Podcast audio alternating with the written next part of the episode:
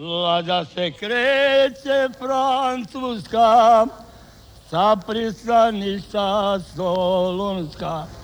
Transport se kreće Srbadi, ratnici braćo bolesni. Živeli! Fantom slobode. Ako se počelo ratovati, trebalo bići do kraja. Ko pobjedi, nek živi. Što će nama e, Karlovac Virovitica? Mi branimo centar Šumadije. Ja trebati jebi ga, Kosan je pet, Srba pet jebi ga. Mi moramo jebi ga e, direktno u Beč i u Njemačku jebi ga derat odavde rakete. Mora se ići u rat. Fantom slobode. Ste vi normalni bre, ovdje blokirate hiljadu ljudi. Idi peške kao ja što idem peške. Pa idite na dedinje pa tamo štrajkujte bre, ne ovdje bre, nije Idi ti na dedinje, neću da idem na dedinje. Može me metak u glavu, u tome je stvar. On je tamo vodio rat, uh, on je bio pobjede brat. Za sroba kidze, uh, mića, naš je čovjek taj. Uh, ne mogu više. I meni je čitavog će života proganjati bosanac, bosanac. Ja nisam bosanac, ja sam srbin. Fantom, fantom, fantom slobode. Živim kao pas. Prvi put mogu slobodno nešto da kažem. I treba da lajem, ne da govorim. Zajedno treba da ga rušim. Jednog čoveka. Ne pomenik, ne želim ime da mu spomenem. Pasoš svoju džep i preko bare. Još mi dodijela balama ovde. Dosadlo više. La la la la La. La la la La. La la la La. La la La. La la la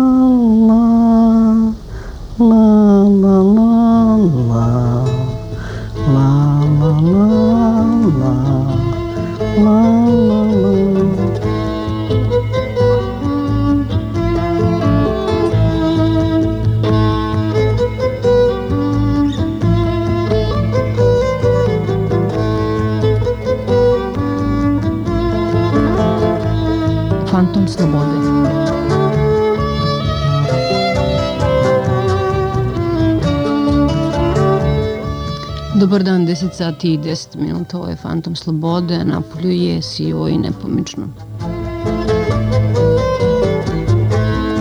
Kao da je nastala neka rupa u vremenu, a u toj rupi u vremenu nestaje izgleda i Kragujevac. Pad u Kragujevca, centra Šumadije, brežuljci, brežuljci, kukuruzi, pšenica, loš put i velike nove, nov, nove novcijete osvetljene benzinske pumpe praktično usred njiva. Sela uz put, nema trotoara, pa mame u štiklicama vode decu u školu, hodajući naravno po kolovozu. A onda Kragujevac, Kragujevac grad, siv, prljav i siromašan. Od pet gradova u Srbiji Kragujevac je četvrti po veličini, ima negde oko 200-250 hiljada stanovnika, a poslednji statistički podaci govore da je od 190 opština u Srbiji po prosečnim primanjima e, građana Kragujevac na 155. mestu. Eto tako ispalo je na kraju svih krajeva da je Kragujevac srce Šumadije nerazvijen, odnosno pasivan kraj. Pala je crvena zastava, a sa njom i Kragujevac. Skoro ceo Kragujevac je decenijima živeo praktično od zastave. Sada, gra- sada radnici iz zastave švercuju. U centru grada ima jedan buvljak, ima 300 tezgi i njih drži 300 radnika crvene zastave na prinudnom odmoru. Za nas koji smo redko išli u Kragujevac ili nikada, sinonim za ovaj grad bila je naravno crvena zastava, smak, odnosno točak i šumarice. To u Kragujevcu danas niko ne pomenje. Kragujevčani se žale naravno na beogradi, beogradizaciju Srbije kao i svi. Beograd im nije dao čak ni muzej genocida. Naime, bilo je reči da će ovaj novokomponovani muzej biti stacioniran u Kragujevcu, da će nekoliko desetina ljudi tamo naći posao, međutim, Beograd im nije dao dakle, ni muzej genocida.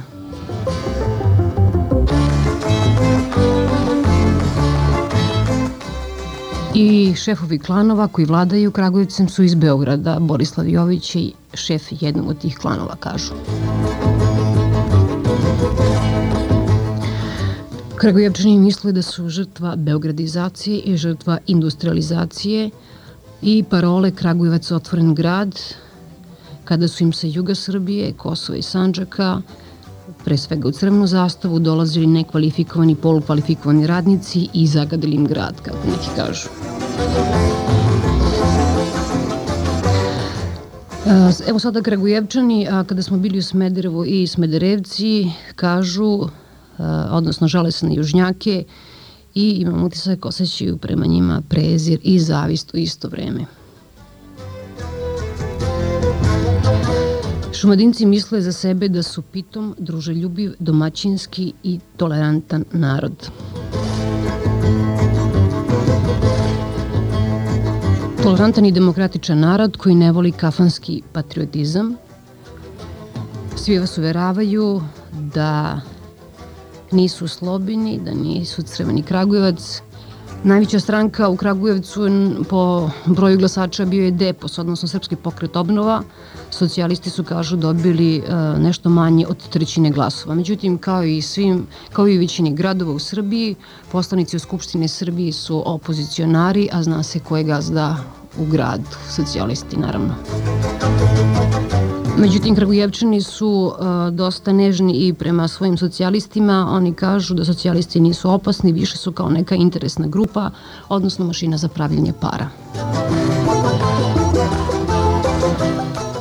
Jedino što u Kragujevcu danas dobro radi je vojni deo fabrike Crvena zastava, prave od karabina do protivavionskih topova i čak i najmiroljubiviji Kragujevčani proizvodnju tog oružja ne povezuju sa ubijanjem, nego pričaju o tome kao dobrom poslu i hvale se da su stručnjaci zastave u, foj, u vojnoj fabrici znali na, koju, na koji sistem da igraju. Prvo sistem Mauser, kažu, a onda sistem Kalašnjikov. Hiljade Kragujevčana je učestvovalo u ovom ratu na opsadi Vukovara pre svega. 30 ili 35 cifre se razlikuje poginulo, a više od stotine ranjeno.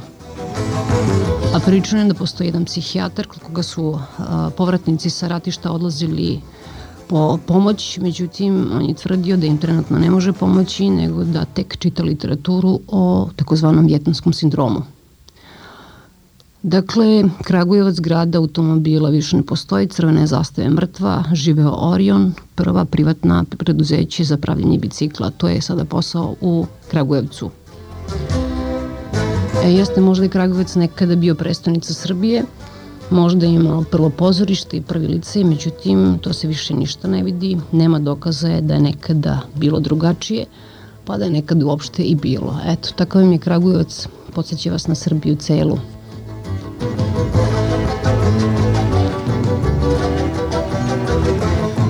10 sati je i 16 minuta. Dobar dan. Fantom slobode.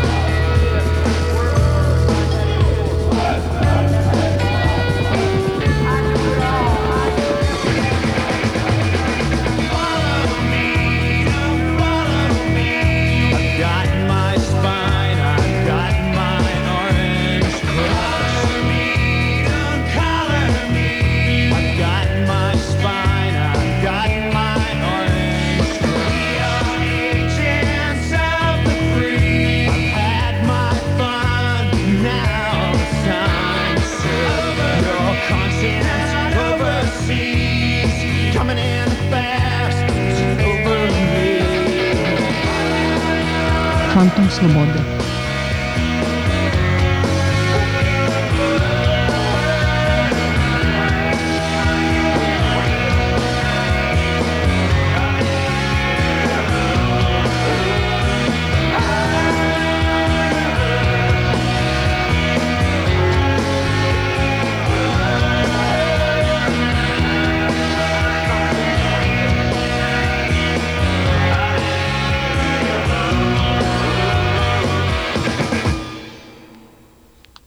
Naši domaćini u Kragovicu bili su novinari a, Lista Svetlost.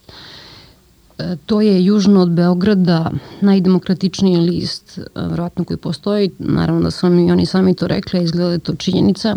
Nažalost, nekada je postao novi Pančevac, međutim, posle poslednjih događaja izgleda da će Svetlost ostati jedina, dakle, jedini list južno od Beograda koji može da se pohvali svojom samostalnošću. Oni su samostalni i politički u velikoj meri, a i ekonomski. Inače, poslednji broj svetlosti se bavi temom koja je, bez obzira na to što Krgujevčani znaju kako loše žive zapanjila mnogi od njih, pa su nam svi ponavljali, jedni za drugim koji smo sretali, da od 190 opština u Srbiji Kragujevac je po zaradama na 155. mestu. Evo šta kažu u svetlosti, naš prosek za trećinu je manji od republičkog, a Varošani, Podujeva i Surdulice imaju duplo veće plate od građana centra Šumadije. E, govore glavni urednik Miroslav Jovanović i novinar Ljubiša Obradović, a nažalost nismo uspeli da razgovara samo našom najdržom koleginicom koja nam je najviše pomogla Jovankom Nikolić. Ali dakle da čujete kako razmišljaju čemu su nam pričali novinari svetlosti. Meni je mnogo žao ovog Kragujevca. E, Kragujevac je jedan poseljačan grad.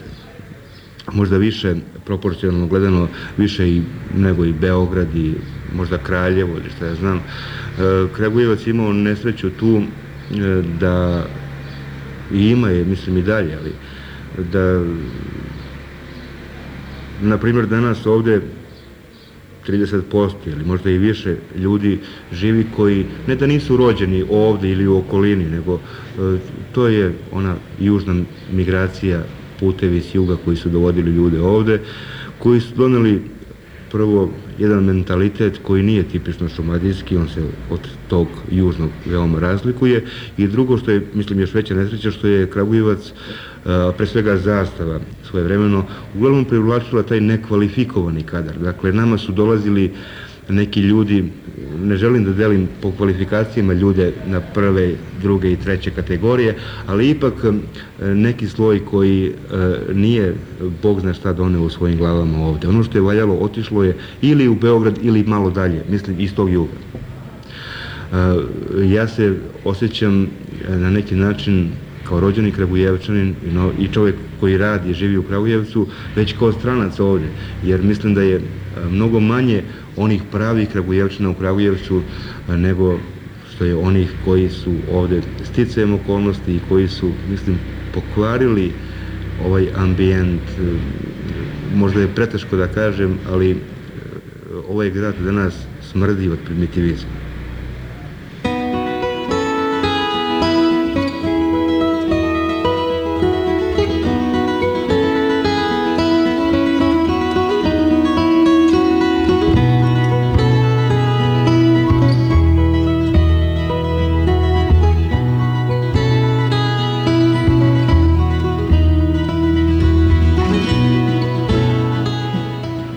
Nije više Šumadija.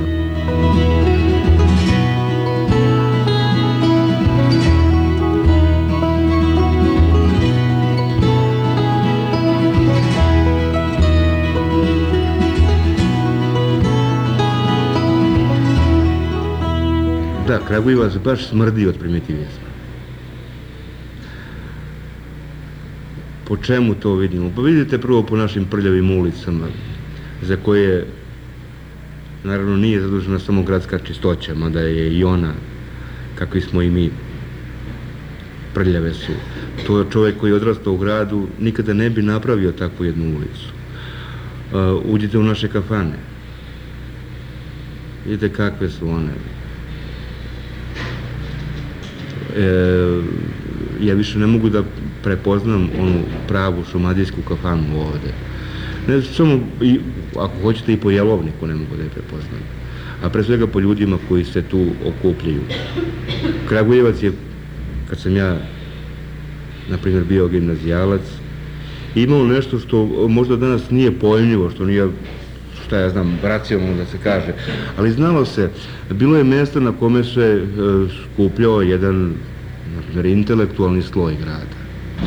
Ne samo po diplomama intelektualni, nego ljudi koji su u to vreme na svoj način bili disidenti u vreme komunizma. To je bio taj čuveni naš Balkan. Danas ako uđete u Balkan, tamo ćete naći, zateći od, šta ja znam, čoveka izbeglice iz Bosne do nekog šlosera koji je stigao iz Leposavića ovde. E, onda kada smo mi izbledili od crvenila, nama je crvenilo došlo s juga, ja vam to kažem, ponavljam. Ono što je crveno, danas crveno mislim što je socijalističko, to nije, to nije kragujevačko ovde, to je ono što je došlo i što je eto donalo i nekakav svoj mentalitet, a mentalitet zna se ovaj, ima i tekako udela u formulisanju i nekih, ako hoćete, i političkih opredeljenja ljudi.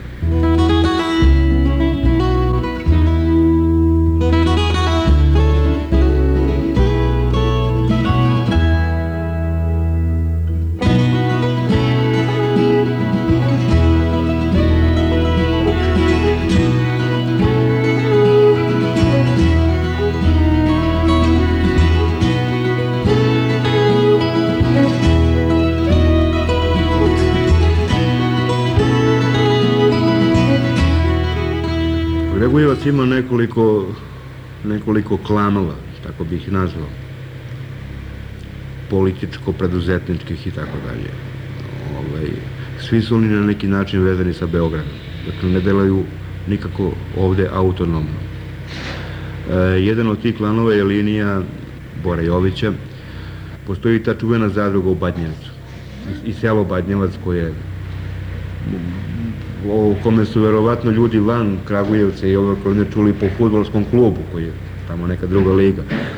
Verovatno je to jedino selo koje ima klub koji je, šta ja znam, u tom rangu takmičenja.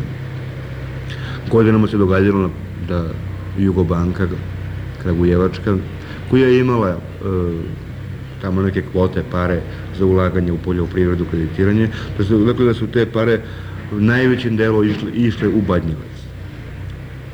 I znate već kad je u uslovima i inflacije i svega što se događalo, kad nekome dajete živ novac, šta je te mogao da uradi. Dakle, to je nešto što je isforsirano. Isforsirala je grupa ljudi, e, pre svega čelo te grupe, rekao sam, e, čini gospodin Bora Jović, koji je inače iz tog kraja Badnjevačkog, tu susedno selo, onda predsednik Jugobanke Kragujevac Predragalović, čuveni Pura, koga su, koji je bio u stvari jedna karika u, u tom lancu celog klana. Aktuelni gradonačelnik Kragujevca, Živorad Nešić. I tu ljudi, što ja znam, primjer direktor koji vodi ugostiteljstvo ovo društvenog grada, tu još neki tako tipovi. E, dovoljno e, jak lanac da može da e, finansijski, a onda na svoj način i politički drma ovim gradom. Ne može ovde ništa krupno da se uradi, a da se ovaj, nema čovek u Beogradu, jer ipak Kragujevac nije toliko moćan da može sam. Tu mogu da se naprave neke, uslovno rečeno, sitnije veze, sitniji, sitniji dijelovi, ali dok se ne nađe kopča sa važnim čovekom iz Beograda, koji možda ima kragujevačko poreklo ili ga nema svejedno, ovaj, krupne stvari ne mogu da se urade, to je iluzija.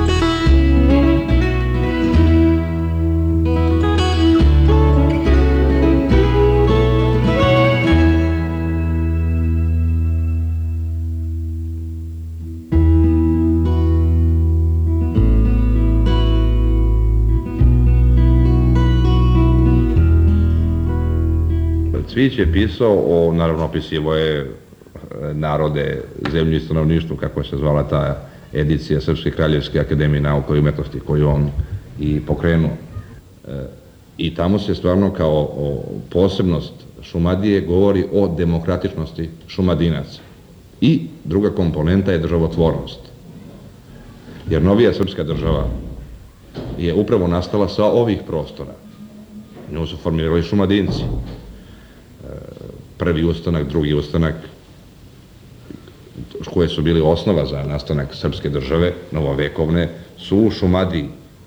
Prva skupština je u Kragujevcu održana, prvi ustav 1835. godine Sretenjski, takozvani ustav je donet baš u Kragujevcu. Ovde je napravljen i prvi srpski nacionalni program ozloglašen, kažemo ozloglašen kod onih koji ga nisu čitali i koji ga gledaju van vremenskog konteksta na čertanje igrača. Hoću da kažem da se u Šumadiji na jedan domaćinski način, onaj seljački domaćinski, u lepom smislu seljački domaćinski, vodila briga o državi. Ovde jedan e, trgovac, inače poslanik u Skupštini, mislim da se zvao Andra Milosavljević, e, govoreći o, o Hercegovačkom ustanku, izrekao ovaj jedne, jednu misao koja i može danas biti aktualna i koja je glasila ovako, kaže, nije da mi, pošto je zatezo sa tim da Srbi priteknu pomoć Hercegovcima, kaže, nije da mi ne volimo našu braću Hercegovci i da im ne želimo pomoći, nego se bojim da mi njima ne možemo pomoći, a sebi zlo učiniti.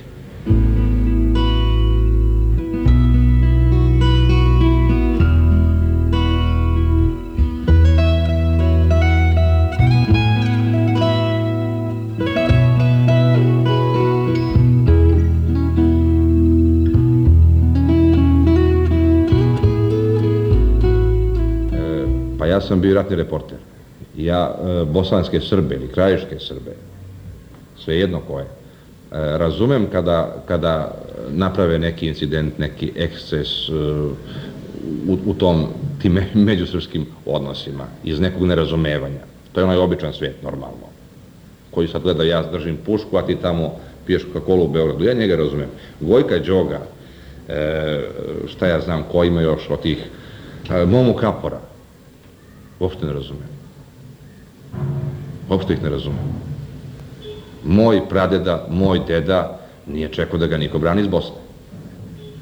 Što ja budem vikend, vikend Srbin, jel, odem za vikend tamo i napravim reportaž za televiziju Beograd i vratim se ovde i pričam kako je to. Jer šta znači, recimo, sad nije ves, šta znači osvojen Vukovar? Oslobođen, kako god hoćete, srušen. Kome treba zemlja bez ljudi? I vrlo je važno, ja ne, nemam ništa protiv ideje Velike Srbije. Ako ona može mirnim, civilizovanim načinom da se ostvari. Ostalim Velika Britanija se zove Velika Britanija. Well, we know where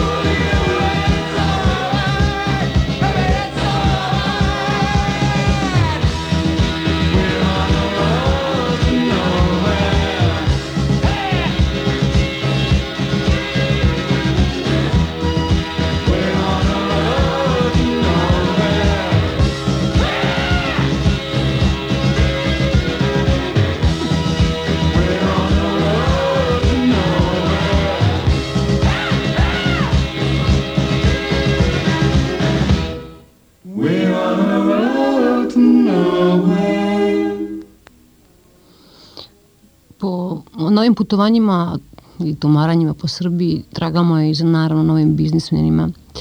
Odavno je u Srbiji započeta, skoro se privodi takozvana transformacija kapitala i srpski rečeno pljačka. Tako da su već personifikovani ljudi koji će nam u skoro vreme biti svima gazde. Do Beogradskih gazda ne može da se stigne, treba da imate propusnicu za skupštinu, ali zato u manjim gradovima to sve jednostavno.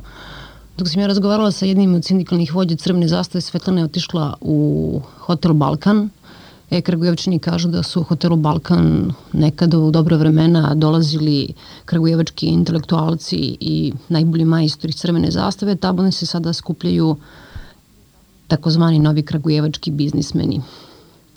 Među njima su i Blagoje Antonović, inače bivši kafeđija, koji je otvorio prvi privatni radio u Kragujevcu, to je Radio 34, Tamo je bio i Svetislav Obradović, zvani Soni, nekada fotografa, zajedno sa jednim ortakom kamenorescem, otvorio je izgledan negledani televizijski kanal, kanal 9 u Kragujevcu, a našao se naravno tu negde i Milenko Radivojević, kažu nekada golgetera radničkog, zašto?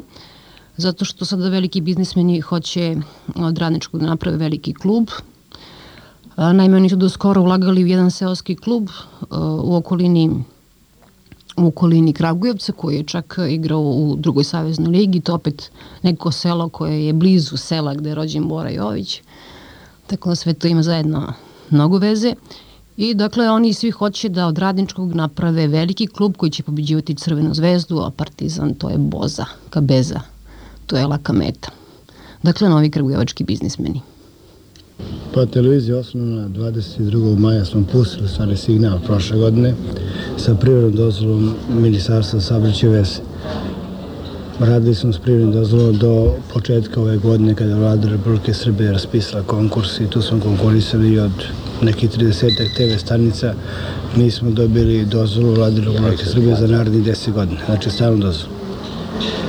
Pa televizija, kao televizija jeste krupan zaloga jer sam smatrao sebe ovako sposobno da to mogu da organizujem smatrajući da sam već dosta dugo u jednom privatnom biznisu, a to je fotografija, da sam se bavio videokamerom i, i režiju, montažu, znači ja sam alterne to već radio, televizija kanala 9 radi na VHF-u, e, to je band koji pokriva sad trenutno područja Kragujevca. Možda neki signali su zalutili van Kragujevca, ali to je blizu, neki desete kilometara. 50 zaposlenih ljudi tamo radi. E, programska šema je ne mešanje u politiku, znači samo zabava, razumno da gradske vesti, filmovi, ne kao Palma što radi, znači samo seriji Folk Mixer. Mi nedeljno, na primjer, u našem programskom šemi imamo 12 sati narodne muzike, 10 sati zabavne muzike i 2 sata ozbiljne muzike. Emisije su rađene tematski, koliko toliko zbog kadrova i koji su kadrovi tu su. Za početak niko taj posao nije radio nigde profesionalno, znači krenuli smo sa neke tačke amaterizma, ali smo dogurili do nekog polukvalifikovanog za sada, a nadam se bit će bolje. Naš studio gde se nalazimo, to je na periferiji grada, naselje Bresnica, studio oko 120 kvadrata, imao sobstvenu produkciju, režiju, kompletno četiri montaže, predajnik je od 50 vati u VHF-u, kod nas dolaze pevači, dolaze glumci, e, imamo 30, 37 autorskih emisija koje radimo, Tu su 4 do 5 prevodica simultani, znači sa engleskog, nemačkog područja skidamo i italijansko skidamo sa satelita neke emisije koje prevodimo i onda ih puštamo u odnosu na, da kažem, na RTS mnogo brže. Mi smo komercijalni radio, mi moramo da pratimo svaki trend, kao što su sada u modi svilane košulje, tako je sada u modi kod nas i narodna muzika. Prema tome, ovaj, prisutnost narodne muzike na mom programu je samo izraz raspoloženja i zadovoljstva ovog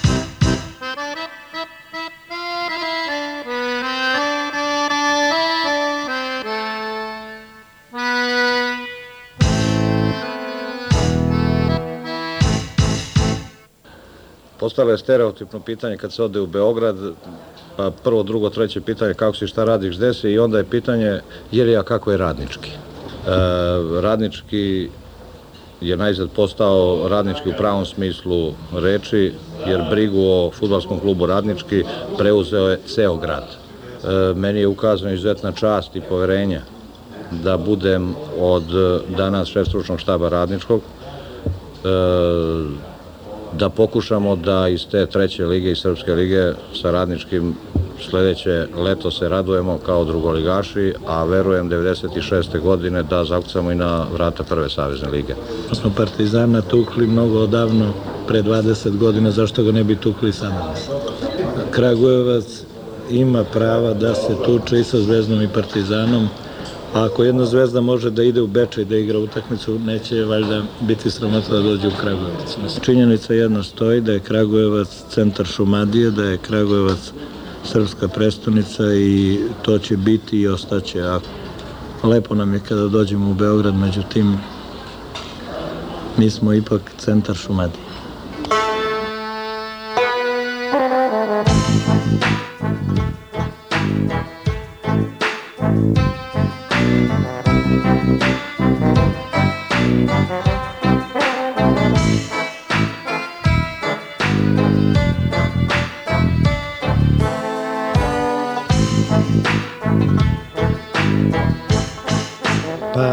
Nismo mi birali te direktore, on, on, je, on je na toj funkciji, sad mogo je, pa direktor groblja je ovaj bio, ovaj, kako se zove, ja, ne znam, ovaj, iz radikala, Toma.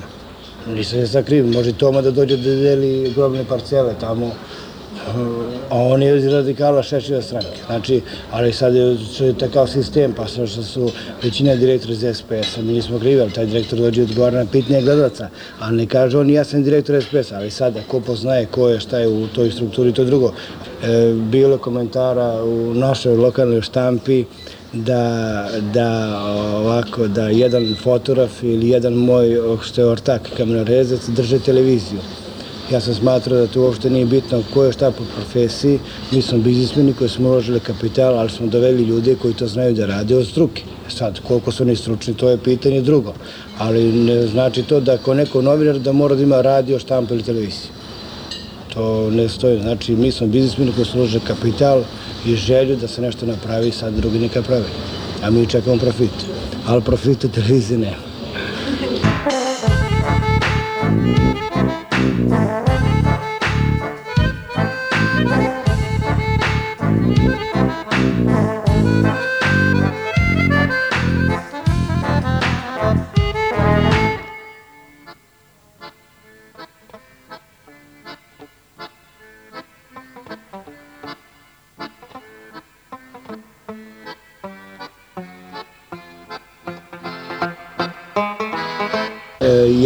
Detalj ispričan sa prošlogodišnjeg Titor Folk lige koja se desi u Kragujevcu, da smo mi e, bili jedni od sponzora e, studiju Bake Titor ligi u Kragujevcu i da su mi sami obojoštavali tu masu i Radio 34 i da je došlo 40.000 ljudi ispred krsta, znači to je na platovu u centru grada.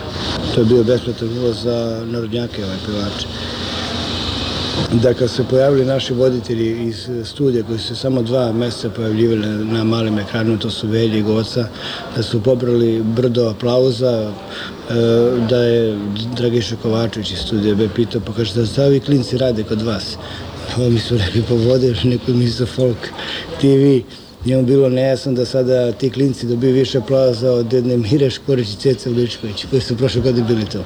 Nikada nisam svom voditelju rekao šta treba da kaže niti samo sugerisao šta treba da kaže, ali da bi voditelj vodio jedan program, on mora da ima žvaku, mora da bude pismen, načitan, da bude okretan, da bude, zna se šta je sve potrebno za jednog voditelja. Znači, nije to neko e, mešanje, ne mešanje, nego jednostavno neko usmeravanje. Mi ne možemo da zarađujemo novac od reklama da grdimo nekog.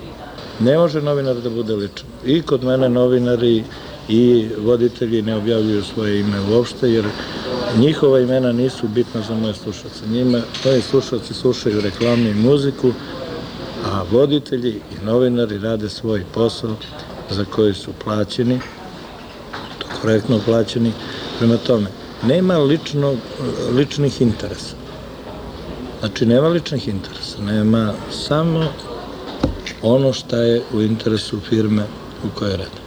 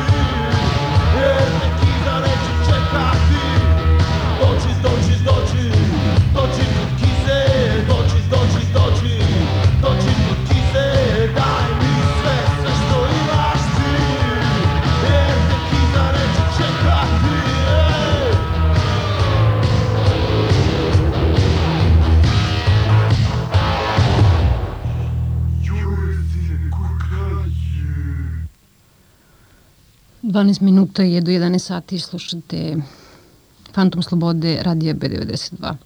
Naravno, ponovo se vraćamo na priču o crvenoj zastavi. O tome se ovih dana u gradu mnogo govori, mada većina Krugevčana se ponaša tako kao da za crvenu zastavu nema spasa, a naravno samim tim i za e, njih sve. Jer crvena zastava jeste Kragujevac, a govore da gazde u crvenoj zastavi direktorija imaju apsolutnu vlast u samom gradu da postavljaju ljude na sva rukovodeće mesta. A, priča se, odnosno jeste pokrenuta inicijativa i to zvaničnog sindikata, zamislite, da se smeni rukovodstvo fabrike zbog lošeg poslovanja. E, većina Krugevčana smatra da je štrajk insceniran iz Beograda. Priča se da zastava ostaje bez obećanih kredita jer vlada Srbije želi da smeni direktora Micića naravno ne onako grubo nego nežno, besparicom, tako što će izazvati štrajk ljudi koji će zahtevati njegovu ostavku. Opet druga varijanta je da se akcija, odnosno štrajk vodi da bi na čelo zastave došao donedavni predsednik vlade Srbije Srboljub Vasović, inače nekadašnji direktor zastave. Sećate se onog posla, on je bio aktualno vremenog posla Jugo Amerika, posao stoleća i tako dalje. To je, e, dakle, priča o zvaničnom sindikatu, međutim, tamo postoji jedan čovek e, koji jeste kragujevački uh, Leh Valensa. On je predsednik nezavisnog sindikata Zastave, otprilike 5000 ljudi u tom nezavisnom sindikatu. Čovjek se zove Petar Medić i na samom početku priče rekao nam je, citiram rečenicu, samrtni huk vlada u fabrici automobila, a kiselo drvo raste na ulazu u fabriku. Kažu da nezavisni sindikat ima 99 neoborivih dokaza da 77 ljudi iz rukovodstva fabrike treba smeniti zbog pljačke. pisali su Miloševiću, Božoviću i drugima, a inače Petar Medić, njemu je zabranjeno da uđe u fabriku, tri puta je dobio otkaz, vraćenom odlukom suda, ali kako to već bio u Srbiji, da ta odluka ništa ne važi, njemu je dalje zabranjen ulazak u zgradu. Nema prostorije, tako da nosi pečet u džepu i sva dokumenta sa sobom. Inače, Petar Medić smatra ovih, zapravo ovih dana ima velikih porodičnih problema i smrtnih slučaja u porodici, ima grižu savesti jer smatra da su članovi njegove porodice doživljavali tako mnogo stresova i od policije, od fabrike i osjeća neku vrstu odgovornosti za njihovu bolest, odnosno njihovu smrt. Evo ga Petar Medić, dakle još jednom Kragujevački Lech Valenza. Sve ovo što se događalo, kažem, u zastavi, e, strašno je, ima stravične posljedice. Mi smo to definisali 12. februara 1992. godine u predstavci koji smo poslali predsjedniku Republike i predsjedniku vlade, tada je bio Božović, e, predsjedniku Skupštine i e, narodnim poslanicima Skupštine Srbije kao drugi genocid koji Kragujevac može da doživi u ovom veku. Svedoci smo činjenice da je najveća proizvodnja, odnosno povećanje obima poslova najveće na gradskom groblju, ali se tu ne uzima porast proizvodnje, da tako kažem, na seoskim grobljima, jer radnici i penzioneri nemaju bukvalno para da se sahrane na gradskom groblju u Bozmanu, jer su parcele stravično skupe. I sve novu godinu su u mesnoj zajednici stanovu gore, u školi, to je ovde gradsko naselje, e, penzioneri tražili da im se obezbede daske za sahranjivanje po popustu. To je tragedija. Ti isti penzioneri koji su napravili zastavu. Znači, oni su svoje vremeno se odricali 30-40 godina, zavisi koliko je ko radi u toj zastavi, a na kraju ko traže od države, odnosno gradske skupštine i te zastave da im obezbede daske sa popustom da bi se nekako sahranili. To je užas. E, užas je i u tome što je realna cena zastave 31.12.89. godine bila 7 milijardi dolara, a sada je njena vrednost ispod likvidacijne nule.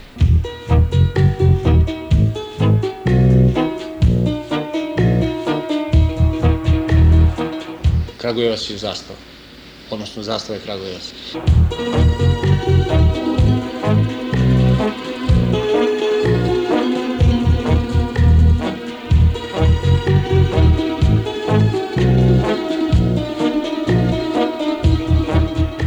ja sam postao crna ovca s jedne strane, s druge strane ovaj, kapitalac koga treba ostreliti i tako dalje. Uglavnom sve se svodi na ono što je praktično ustavom zabranjeno, kod mene se primenjuje. Od prisluškivanja telefona, praćenja, striktno evidencije, krenuo je iz kancelarije na tu stranu, došao je do te fabrike, komunicirao sa tim ili ovim čovekom, tu postoji masa ljudi koji je za to zadužena, bukvalno rečeno postoji jedan štab u zastavi za onemogućavanje rada i ometanje rada nezavisnih sindikata, a opet u svemu tome ja sam neka, da tako kažem, glavna meta. E, otkaz koji je zato što je nezavisni sindikat još 18. E, avgusta 1992. godine ukazao na proces koji se događao u tekstu otimačena po svaku cenu, ali Svetlost ga je objavio Kragujevački u celini. Ja sam dobio otkaz zbog toga. Praktično verbalni delikt je uveden u zastavu. E, sudske presude na okružnom i opštinskom i okružnom sudu su bile u moju korist, međutim to nije mnogo obavezivalo to poslovno rukovodstvo da umeđu vremenu zbog opet sindikalnih aktivnosti dobijem dva nova otkaza. A howling wind is whistling in the night. Dog is growling in the dark. Something's pulling me outside to ride around in circles. Hoćemo posao, plate za konkretno i korektno urađen posao, prava Jer radnik je pre svega čovek, znači mora da ima svoje dostojanstvo i četvrtu stvar koju hoćemo to je profit. Profit može da ima samo vlasnik kapitala, a mi u našem programu, a i dokazat ćemo i na sudu, privrednom, višem privrednom i vrhovnom sudu Srbije, dokazat ćemo da su najveći vlasnici kapitala zastave upravo njeni radnici i penzioneri, jer oni su to sticali odricanjem. E, ne znam, možda vam verovatno nije poznat podatak, da je recimo oktobra 44. godine bukvalno se nisu završile borbe za oslobođenje Kragujevca, ti radnici Vojno-tehničkog zavoda, tako se neka zvala zastava, pre rata, donali su od svojih kuća turpije, materijal i tako dalje, alat i počeli proizvodnju u zastavi koja je imala, obično se hala imali dva zida.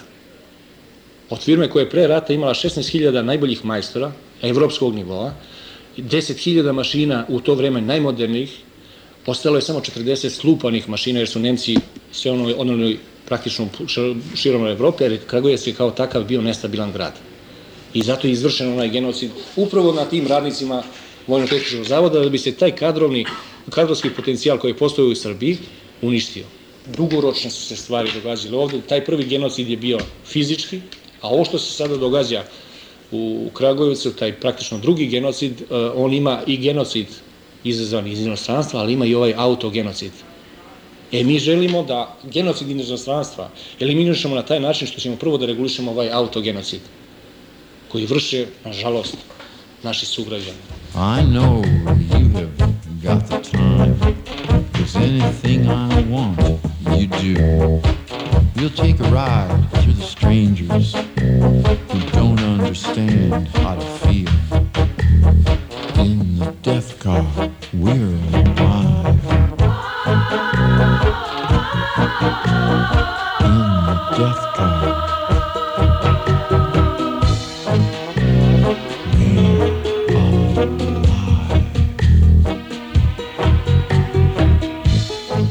Interes onih koji su hteli da dođe do ovoga je bio suprotan našem.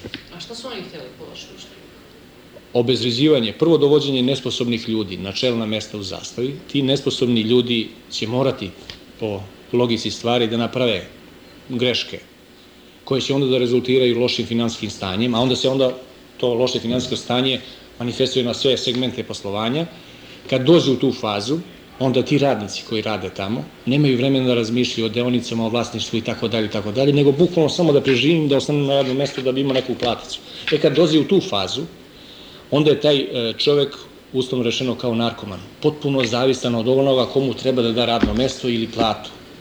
U toj situaciji se onda vrši transformacija svojine, koju među vremenu zbog ovih prethodnih stvari mora da bude obezvređena.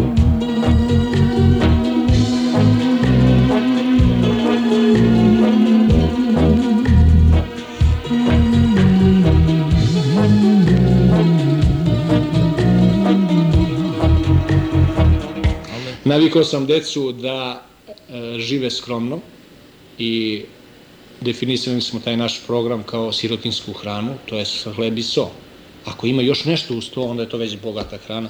Tako da su deca na taj način nemaju neke velike prohteve, sve svedeno na nekav minimum, jer ovo što želim da radim zajedno sa ovim mojim prijateljima je e, u interesu svih. Mi želimo da imamo svi zajedno veće plate, a kad bude imalo plaćene funkcije u nezavisnom sindikatu, ona će biti samo jedan dinar, veća od plate onoga, one plate koje treba da bude član tog našeg najužeg rukovodstva na radnom mestu gde odakle je došao. Znači ne tri ili četiri puta kako je to sada situacija u sastavi, pa da se ljudi bukvalno bore za tu fotelju, ne ne, jedan dinar. A on neka nastoji da bude svim ostalim radnicima, odnosno zaposlenima, što veća plata da bi za taj jedan dinar opet bio bolji od drugih. I'll let some air in the window. It kind of wakes me up a little. I don't turn on the radio because they play shit like, you know, when your hand was down on my dick, it felt quite amazing. And now that that is all over, all we've got is the silence in the death car. We're alive. Te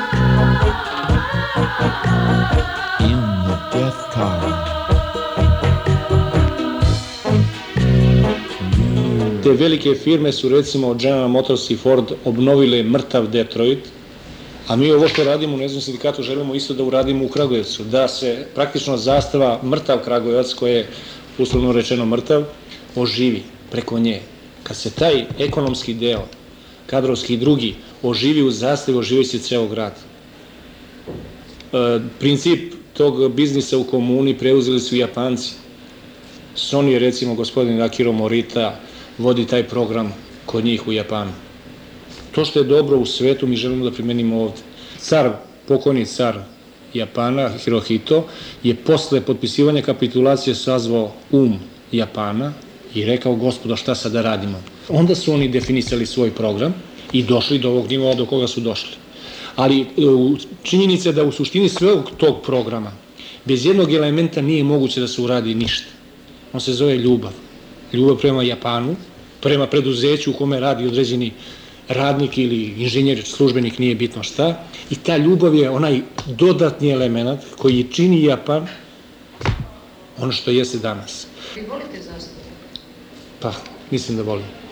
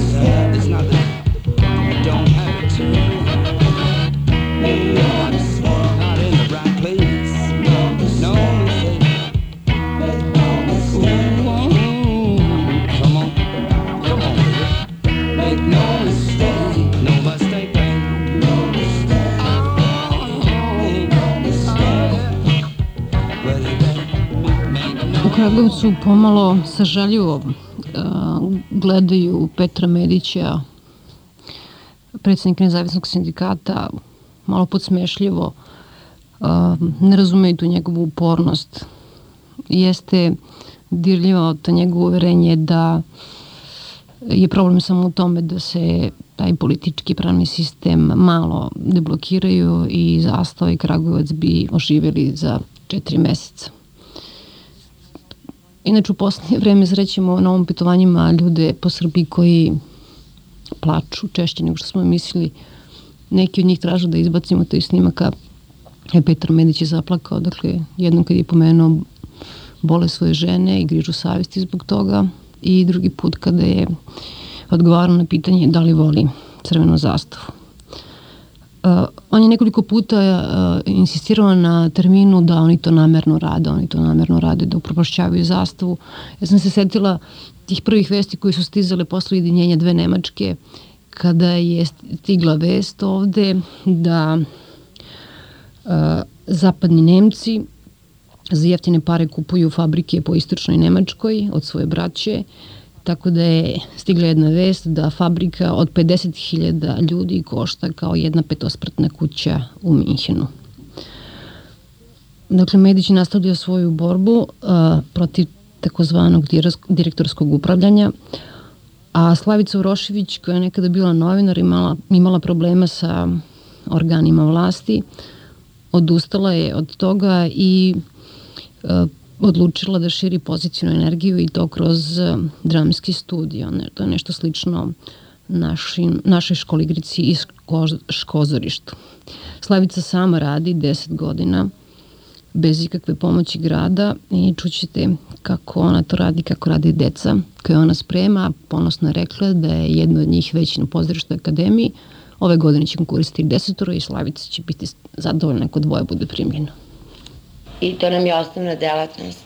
Znači bavljanje pozorištem, amaterski, pošto ja sam vremena bila amaterski glumac, sad se bavim režijom, e, u Dečoj pozorišnoj dionici imamo ove godine 70 članova, napravili smo dve predstave, jedna je u Cara Trojena kozi uši, druga je Tiha mala bića koja vole da maštaju i sa tom predstavom smo već bili na majskim igrama u Bečaju, ali nas grad samo tapše po ramenu i, i ništa ne, ne čini da nam stvori bolje uslove. E, onda je nama pukao film, svima nama, onda se ja odlučila hm, da, pošto imam sjajnu ekipu od 22 srednjoškolaca i studenta u dramskom studiju, da mi zajedno vodimo baštu i podrum Doma omladine kao kafić, kafe u stvari, ali i ćemo iskoristiti taj lepi prostor, ja ne znam da li ti se dopao, da li si videla, e, i za neke druge sadržaje. Znači da ne bude to samo kafić pa profit po svaku cenu, nego da se u tom kafiću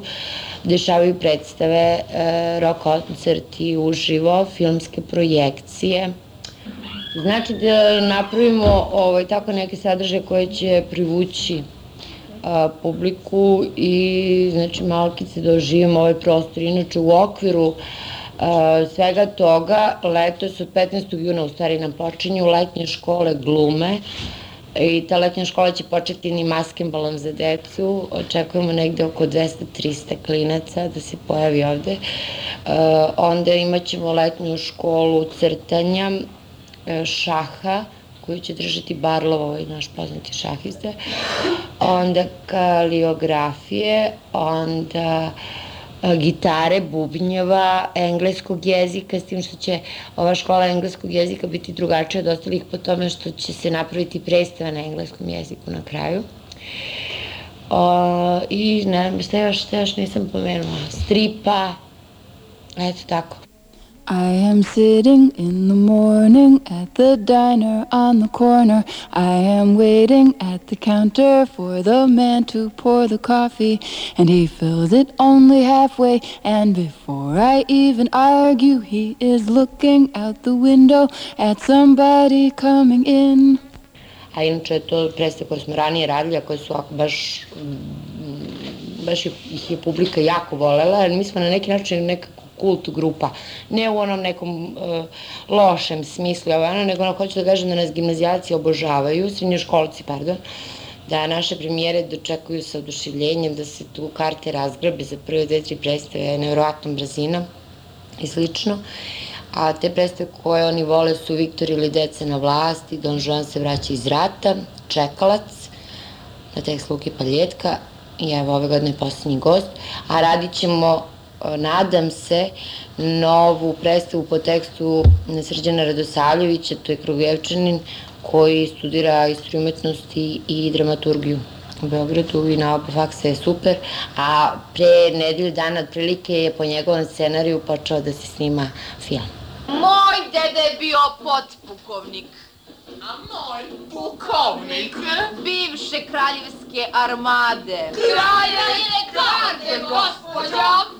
Umro je u svojoj rezidenciji zatrpan odlikovanjima.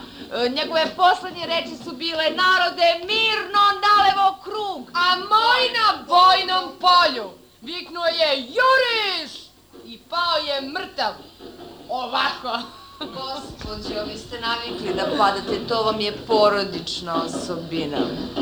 Ovo je Balkan, pa Balkan nikad ništa drugo. I da uvezemo fjordove, šta bismo sa njima, gde da ih smestimo, u Šumadiju oko Čukojevca, da? Izuzimam se kao takav.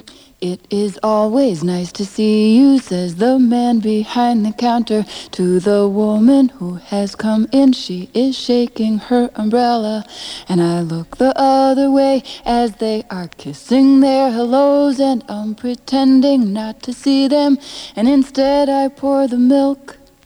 Mi smo zapravo zajednički uh, napravili jednu malu oazu ovde. Ovde se na ovom prostoru se, u ovom prostoru se ne priča o politici, izbegavamo ružne stvari, uglavnom prispitujemo sebe, svoje mogućnosti, svoje mane, svoje vraline i družimo se sjajno, bar za sada da kucnemo u drvo. Ovo Aza, kako izgleda pustinje? E, to ne znam, pa znaš da to ispitujemo kroz predstave.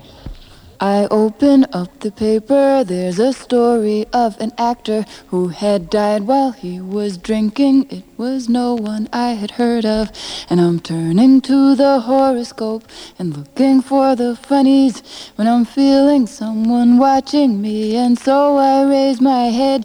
Komšiluk je pravio, napravio mm, prijavu protiv nas, neku vrstu peticije, prijavio nas je u opštini zbog eh, bučnosti, a mislim kako da se napravi rok svirka da ne bude bučna. A očekuju od nas da do 12 sve traje, a meni klinci u to vreme izlaze. Tako da, eto, to su neke stvari s kojima onda da mi jednog dana milice došli, momci su imali tonsku probu popodne oko 6 sati. I onda je milicija došla i za razgovor se seo na komšilog se bunio, prekinite odmah, nemoj da dođemo ponovo. Naravno, svi smo se izbezumili, ja najviše ali ovaj, ja ne volim tu vrstu zabrana i ono ne, osjećaj nemoći jedan, da nema, jednostavno ništa ne možeš. On je došao, rekao to i ti moraš da prekineš sad, to što ima to neku drugu, neki drugi smisao, što je to treba da znači ovo i ono, to njega apsolutno ne interesuje. Ali dobro, to su sve stvari s kojima moramo da se suočimo i da se naučimo i da sa takvim stvarima izlazimo na kraj. Jer nismo baš do sad bili nešto super praktični, ali smo rešili da budemo, da postanemo i praktično, da naučimo se i toj strani života. Prvo ja pa i oni sami. Oh, this rain, it will continue through the morning as I'm listening to the bells of the cathedral. Jer naša predstava ne košta ništa. S obzirom da je moj honorar mizeran, sramotno mi da ga pomenem, a tri meseca ga recimo i tako mizeran honorar nisam primila, Onda uh, kostime šijem znači od starih stvari, scenografiju pravimo od starih stvari koje zateknemo u domu, eventualno kupimo kutiju polikolora. Pozorište sa pozorištem poslednje dve godine smo uspostavili dobro se radim, tako da nam ne naplaćuje salu, nego nas, eto, kad imaju slobodan termin, ovaj, daju nam da tamo igramo. E, znači, ništa, naša predstava ne košta uopšte, ništa totalno napravljena dobrom voljom svih nas. E, bus kad dođe, onda je to izdatak koji nas pokopa totalno.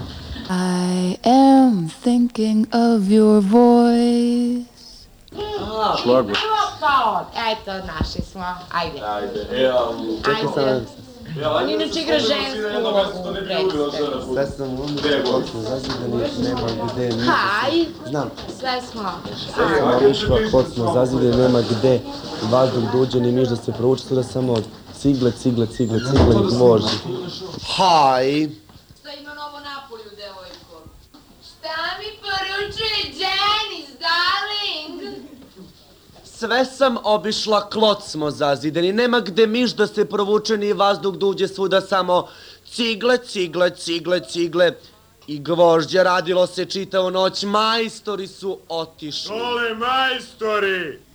And of the midnight picnic once upon a time before the rain began. And I finish up my coffee and it's time to catch the train.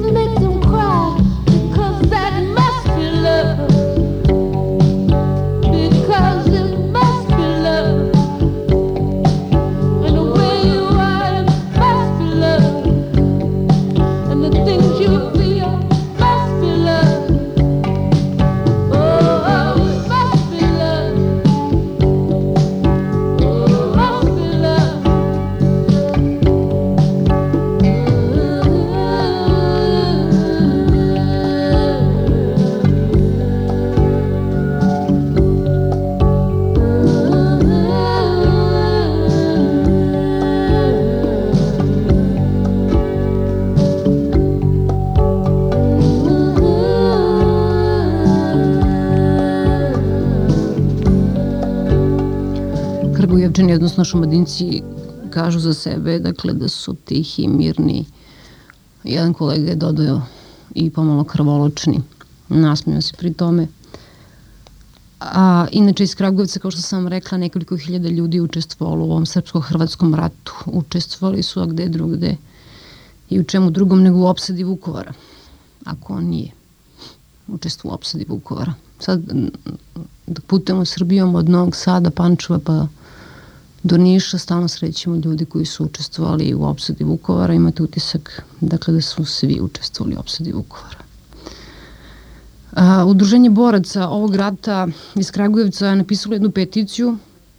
Oni kažu kao Subnor, dakle borci iz onog rata imaju 100 metara kvadratnih elitnih prostorija dom 8 upravljača u Kragujevcu, a mi ništa. A, naročito su ljuti što su im ljudi iz Subnora predlo, što su ljudi iz Subnora predložili da im se podigne spomenik. Njihova peticija se završava rečima hoćemo hleba, a ne spomenike. Dvoje dobrovoljaca smo sreli kako zarađuju hleb radeći u kafani. To je nekada bila kafana PKB-a, a sada je otkupio jedan čovek koji je bio dobrovoljac u ovom ratu, dobrovoljac Srpskog četničkog pokreta. Govorit će vam brat Dragan i sestra Slavica. Ja sam naravno uh, poverovala odmah na početku da su stvarno brat i sestra, međutim, braću i sestre to su brat Dragan i sestra Slavica. To mi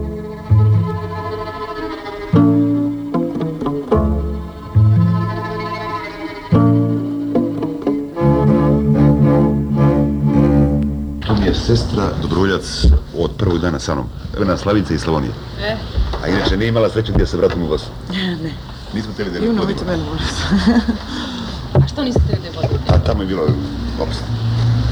A mi je mnogo volimo i onda smo je sačuvali, mada je od njoj bilo krivo što nije išla. Ja sam vam bilo žao što vas nisu vodili. Kako? Ona svoje smijala kad su padali granate. Prvo sada. Što? Iz straha? To onaj smeh iz straha? Ili... Ne, ne, ja se nikada nisam baš, koliko je meni poznato. Ne, kad padaju granate, Slavonci oni padaju, skaču, mi se smijemo. Mi smo već oguglali od toga. Ja sam ovaj, u Kragujevcu radila sa dobrovoljcima, odnosno ovaj, vodila sam dobrovoljce na ratište.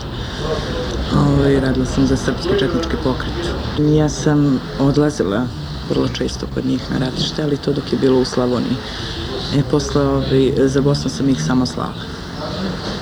Nešto, ovaj, to je sve posle bilo čisto preko ovaj, Srpske radikalne stranke. Slala sam ih odavde do Beograda, pa su ovi iz Beograda proslađivali dalje, ovaj, gde je bilo potrebno. S tim što sam ja komunicirala sa ovima iz Bosne, sa štabovima, ovaj, gde su oni izjavili potrebu da im trebaju dobrovoljci, tu su slani. Moje je bilo da ovaj, odnesem spiskove u opštinu koga sam, ko je otišao, mislim, a, sa našom opštinom Kragujevačkom. Izuzetno sam sarađivala, mislim to, ovaj, i oni sa mnom. Onda iskamčila sam od njih i jedan agregat, sećam se, ovaj, za jednu novu godinu, 31. decembra sam im odnela koju je opština poklonila Gde ste nosili? ovaj, u Antinu. Ranjeni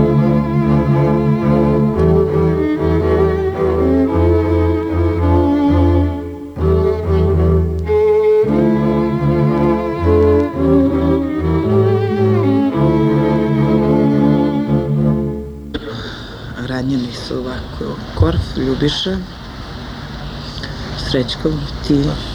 Musica, Sale Čulibrk, dobro normalno. Neša, Radica, Zlaja, to je troje Šta troje? mrtvih. Poginulih. Troje, troje, troje. Međutim, ti nisi bila u startu. Kad smo, mi, mi smo otišli Vi ste 19. jula otišli. 21. godine. Njen suprug. Na moj, na moj rođendan. Na nas devet, njen suprug i nas osam. Mi smo bili prva grupa dobrovoljaca koja je otišla iz Kragujevca Bivši ispred 19. jula 1991. godine. E, Prvo mjesto nam je bilo pri Igravici kod Apatina, koji je bio sabrani logor i jedva smo prešli u Slavoniju, preko Skele. To, je bilo, to su bile molbe, Prvo ih u I tako da. Jova Ostojić, koliko se ja sećam. E, tamo smo Ovaj. ovaj, širili ideje četništva, jer to je kod nas bio cilj, ideja četništva, ideja Velike Srbije, buduće kraljevine. Taj narod je to prihvatio. Bili smo legende u Slavoniji, dobrovoljci, legende. I samo smo se mi borili. Meštani su dobri, ali Za izbjegavanje. za izbjegavanje.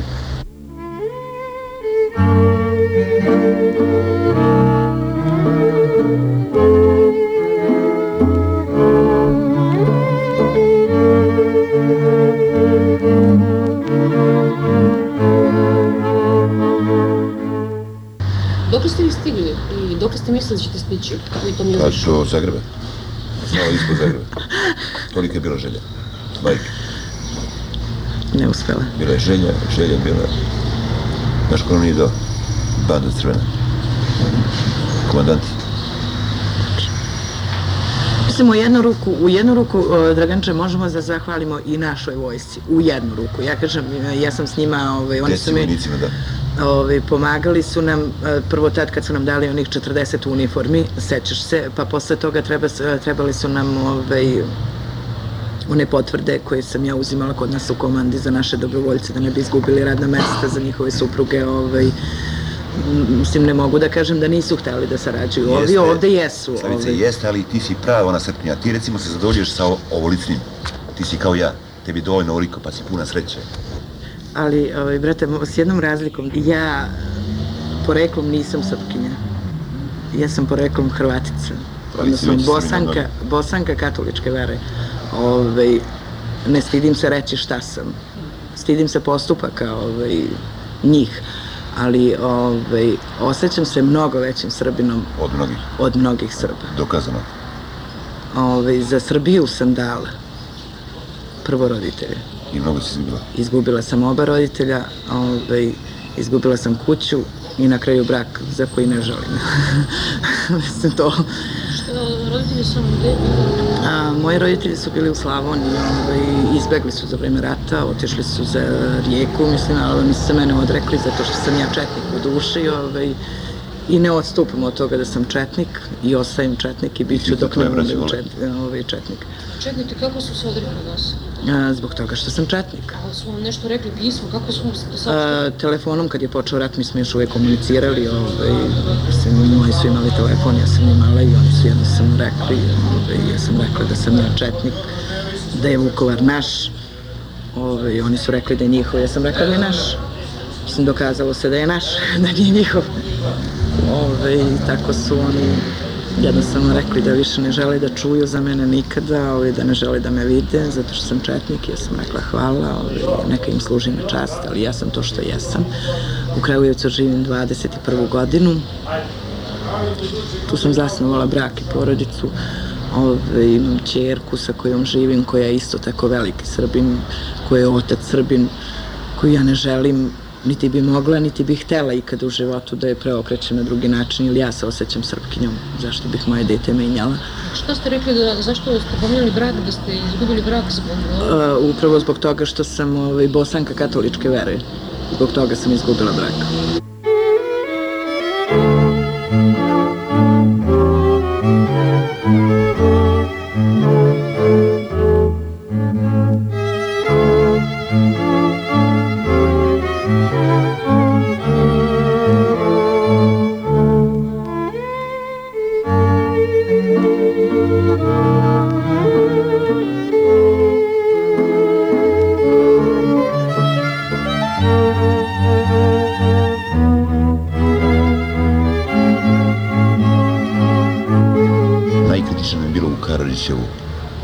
Slavica zna. To je bilo ono selo koje je bilo u totalnom okruženju Ustaša. A mi smo imali toliko elana, toliko smo volje imali. Kad oni nas gađaju haubice, mi smo trčali na položaj, mi smo pevali četiri pesme. I ono u stilu, krenite, ajde, krenite. E, kad ste najbolje pevali? Kad ja kažem zapevajmo. Kad je bilo najgorše. Kad Kad je bilo najgorše. najgorše, pa uvijek četiri pesme. Koja recimo, koja vam je omiljena? Spremite se, se, četnice. to nam je najomiljenija bila. И бацајте бом за четници. А, а имена песма Седи четник на камену, мене терај да пеам, ја то ја знам све те песме. И ме тако увече се купимо, опустимо се и ајде да пеам ту песма, ја кажем могу да пеам под едним да никој не плаче. А тоа е нешто интересантно. Ја пеам, они плачу.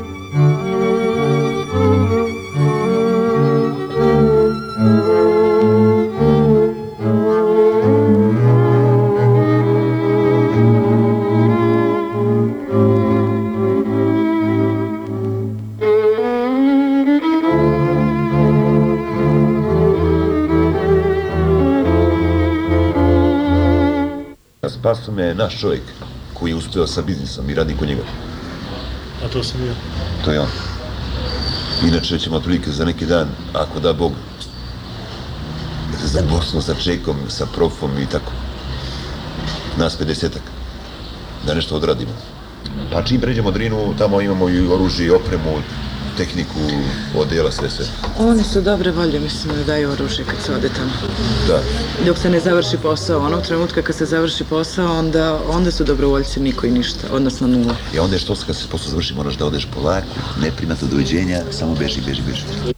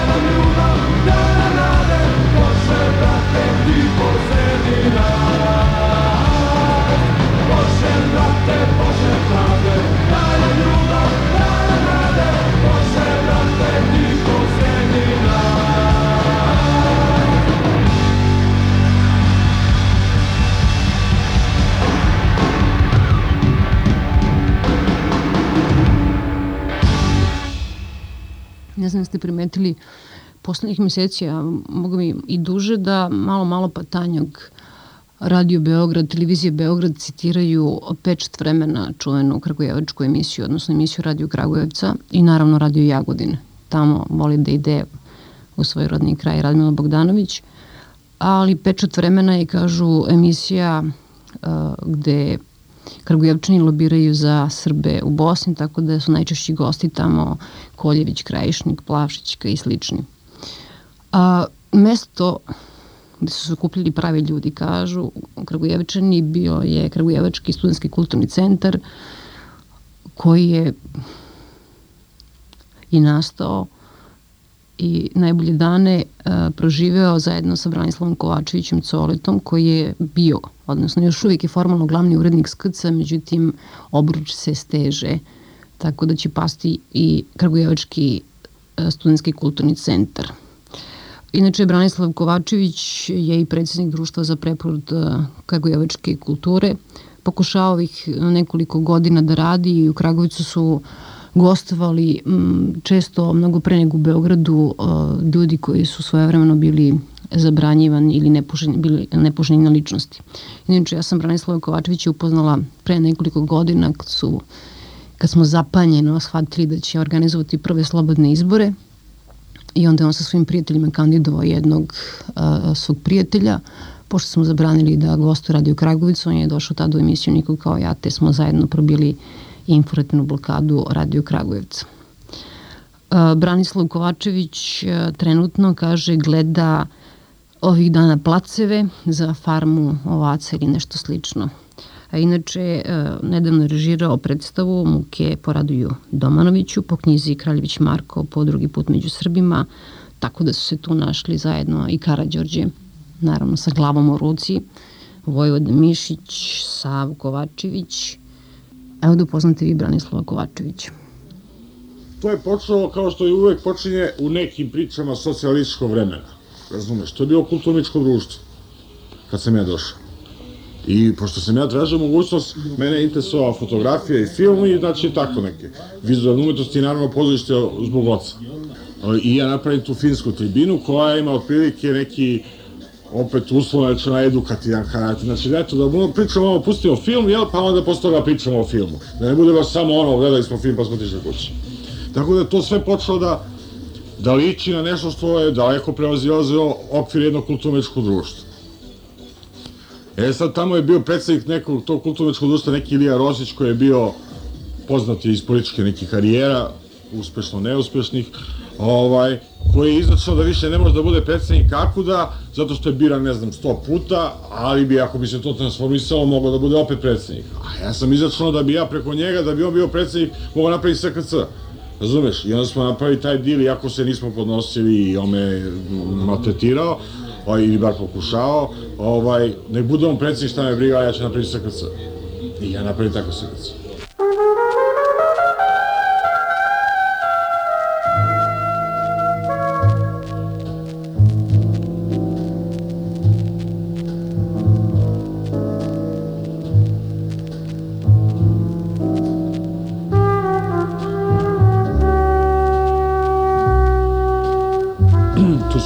Zasedali sini neki opet komiteti i donosi neke zaključke da je, ne znam, SKC lego građanske desnice, pa onako liberali, liberali, kasnije sam postao i monarhista, komunista, antikomunista, tako razne neke.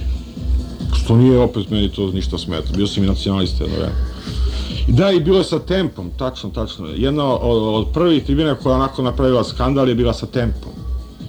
Jer tempo je bio ne znam kako se sveste relativno zabranjena ličnost i onda kad je on došao i rekao da je u Ustavi 74. godine onako kao ja da sam Srbin, pazi, ja da sam Srbin, re, kaže, a, ja bih se osjećao sramno da živim pod Ustavom kakav je ovaj 74. Ili ne znam, kad sam dobio Amfilohija Radića, to je bilo skandalozno, šta znači to pop na univerzitetu. Pa znam da su mi sutradan ovaj, se oslušavali onako žešće, Ali nije, opet to nije bilo ono u smislu šta ja znam da sem što su pisali po tim materijalima gradskog komiteta, opštinskog, opštinskog komiteta, opštinski kako se zvao, da sam ja to, što jesam ili nisam, šta ja znam. I onda ja jednog dana odem, rešim da odem u taj komitet i uđem, kucam me na vrata, dobar dan, ko je nadležan za, to se zvao izvršni sekretar za društvene delatnosti. I ja krenem, dobar dan, je mogu ja da dobijem tog izvršnog sekretara, to bila neka Mira Ćurčić. Ja sam ime zapamtio, jedna debela radi u zastavi nešto. I sad valja radi u zastavi. I ja je pitam, rekao je, mogu da znam šta sam ja od ovoga što ste vi napisali do sada? Mislim, volao bi, stvarno. Znaš. Ja, nemojte vi da se uzbuđujete, kaže, mi se to samo prepisujemo od prošle godine, kaže. Živote, ja vidim koliko je to ozbiljno i ja izađem, što se što sad idem da kažem. Žena lude. Da. I tako.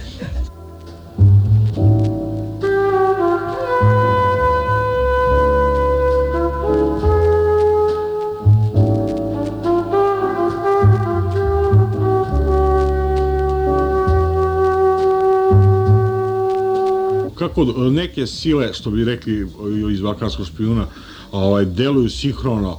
Radili smo o, o, ovoga, kako se zove, mm, život i priključenje vojnika Čonkina.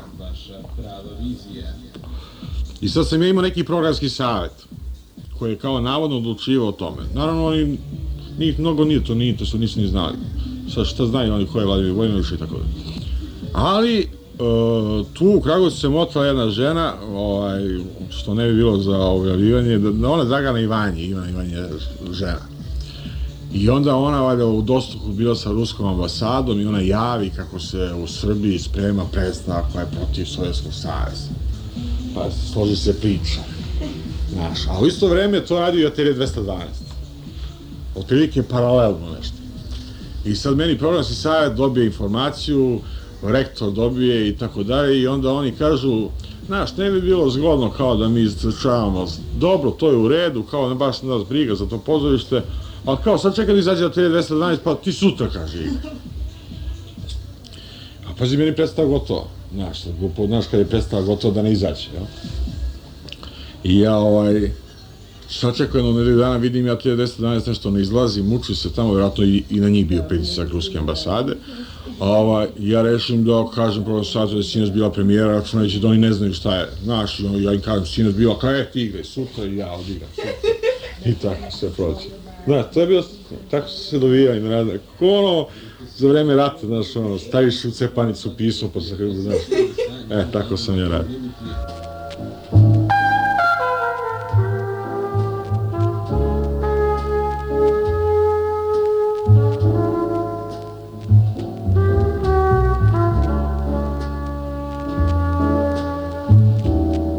Znaš, ideš kroz grad i svi kao nešto znaju. Znaš, kao nešto se piše, priča, tete, mrte, vamo, nemo, i svi kažu, pa dobro, ne, znaš.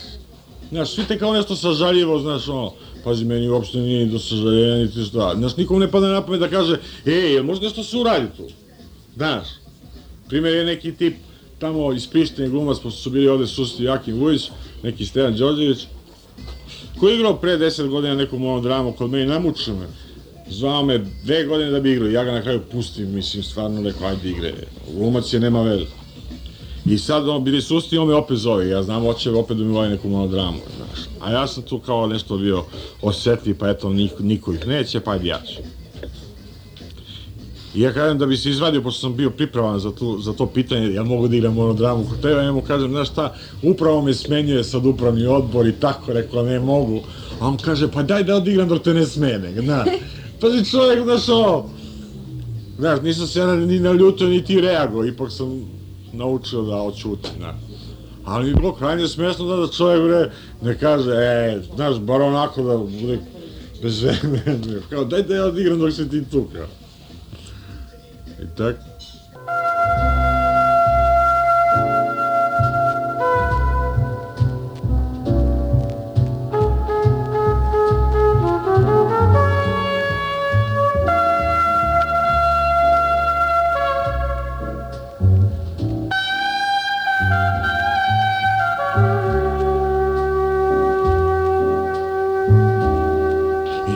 Kad sve to prođe, naš, formira se neki narod koji stalno dolazi tu i malte ne počne već dosadno da biva, znaš, stalno pričaš u jednom istom krugu ljudi koji već su negde tu uslovno rečeno slično mišljenje, ne može biti isto. Ali recimo neko slično razmišljanje i sad pri- svi pričamo istu priču. Znaš, i onda je meni već postalo jako dosadno, znaš. Osim što sam eto kao radio taj posao i morao da ga radim, nisam vidio baš nekog, nekog ovaj, rezona. I to sam Tošiću rekao pre neki dan, ovom Desimiru Ione. Ovaj, on je opet imao neku tribinu i zvali su me da dođem. I odem i kažem Tošiću, vi stvarno mislite da sve ovo zajedno ima smisla? Ta pričonica koja se pretvorila baba žvake, rekao, pa, šta sad vi nama pričate o demokratiju, sam mogao pričati pre 15 godina. Pa da smo i mi nešto čitali u životu od knjigama, da smo i mi nešto videli, valjda. Ti meni pričaš o engleskoj demokratiji, ne znam, 935. Što to mene boli čaša još? Mislim, stvarno, i konkretno neko je možete nešto da uradite. Ja ću vam izneti primjer sa KC, zato što sam u njemu. Oni su sve uradili u Beogradu, u Prištini, u Nišu, u Novom Sadu, evo sad zadnji i udarac je u Kragujevcu, i oni zatvaraju mrežu. Možeš ti da pričaš koliko god hoćeš, oni ljudi prave mrežu. Organizacijonu mrežu kao vojci po vertikali, horizontali, zapušavaju sve rupe što se tiče informisanja, znači zapušili su radio, zapušili su televiziju, zapušili su novine, manje više, i SKC kao institucije su bile jedina neka, neka rupa, neki ventil da je eventualno moglo nešto da prođe. I oni su to naravno znali, promenili Batu Hriokapića Doma kulture, promenili Pauna u SKC-u, promenili u Novom Sadu, ne znam kako se zvao, a, u Prištini doveli, u, u Nišu doveli Dačinog nekog sestića, Dače Marković, valjda, tako priča, ja ne znam, možda i nije tačna informacija. I tako, znači, zapuštili su tu. I što, što sad, sad mi možemo ovako da, ovako, što kažu, ovaj, da pričamo u manjem društvu, nas pet u stanu, da pravimo neke ilegalne grupe, ovaj, crvene brigade, eventualno, i tako nešto, da rušimo sistem, što me mrzi. Pa ne, ne umem da bacam bombe. Mislim, to nisam radio ni u vojsci.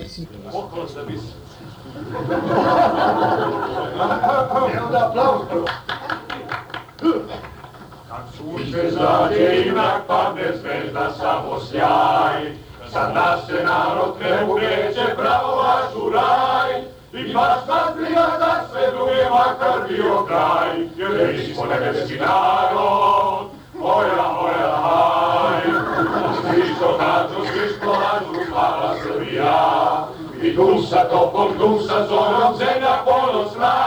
I tako redom svakoj sili sve do svemira, jer mi smo veliki narod, nebeska Srbija, jer mi smo veliki narod, nebeska Srbija.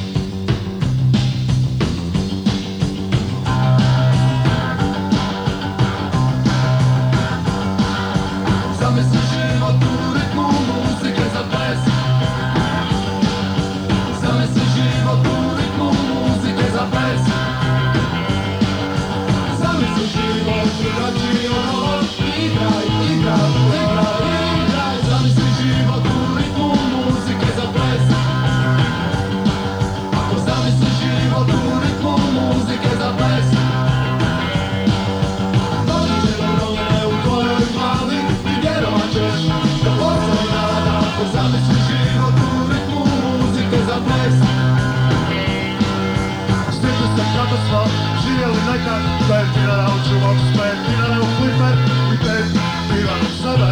To je bilo rješenje, rješenje za osvježenje. A sad je sve drugačije, pogledaj, ulice su pune ljudi. Dječaci koračaju s tranzistorama u Muzika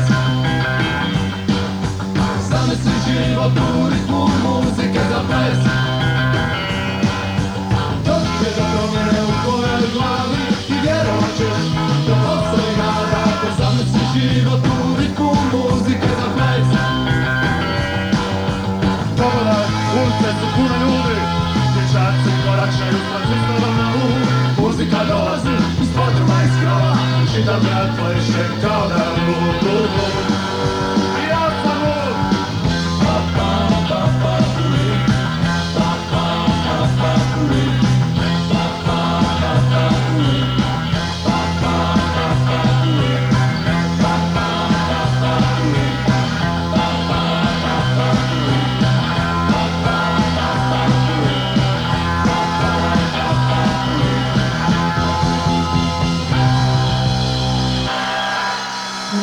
Periferiji Kragujevca sam među nekoliko hiljada knjiga živi Milan Nikolić, pesnik, pozorišni kritičar i pre svega komunista. A, on je svojevremeno dugo polemisao sa Nikolom Miloševićem po knjiženju novinama cele bivše, odnosno kako se sad kaže druge Jugoslavije. To je onaj, onaj period kada je Nikola Milošević a, imao omiljenu tezu da je Lenin bio drumski razbojnik a, i tada je u toj polemici Nikola Milošević je Milana Nikolića nazvao poslednjim šansonjerom staljinizma.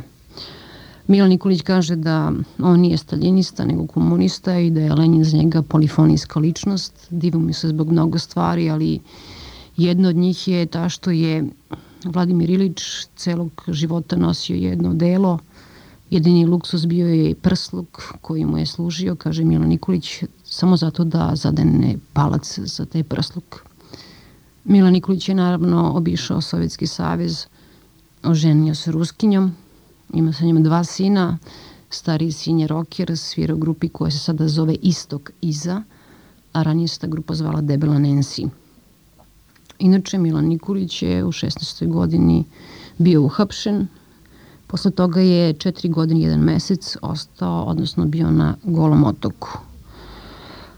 E, Milan Nikolić kroz ceo razgovor nije uspeo da izgovori ime partije koji pripada, izgleda da mu je bilo neprijatno.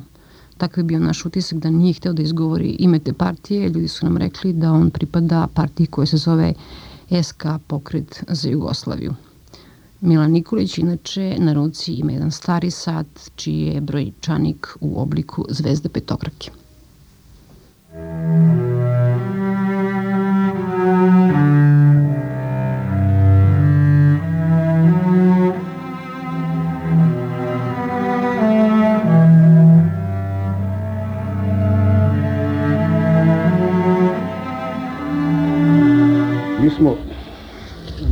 poverovali u, u tu ideju nekog, neke pravde za sve ljude. E, mi smo još tada bili ubeđeni u to da, da nepravedno svako društvo u kome postoje bogati i siromašni, e, u kome nema e, osnovni ljudski prava kao što je pravo na rad, pravo na besplatno školovanje, pravo na besplatno lečenje i tome slično. Naravno, nešto od toga je već bilo u tom, u tom društvu.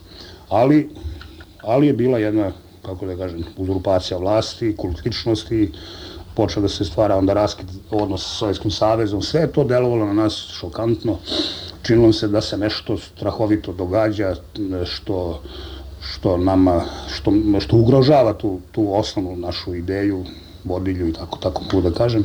I mi smo hteli da, da stavimo do znanja toj vlasti da eto, ne misle svi tako kao što ona misli, kao što novine pišu, nego da eto ima ljudi, a pogotovo mladi koji se sa tim ne slažu. Recimo jedan od tekstova na tim našim lecima je glasio e, poštena inteligencija, napredu borbu za slobodu misli, za pravo na bolji život. Vrlo naivno, ali dozvolit ćete kad 16-godišnjaci tako nešto napišu i to rasture po gradu, a, pa još guraju taletke pod, pod vrata ovoga gradskog komiteta, udbe i dopisništva politike, ovaj, e, onda je to već ovako nešto što bi ta vlast, na čim bi ta vlast trebalo da se zamisli. Ona se naravno zamislila, a, vrlo lako su nas otkrili i osudili na vrlo teške, visoke kazne.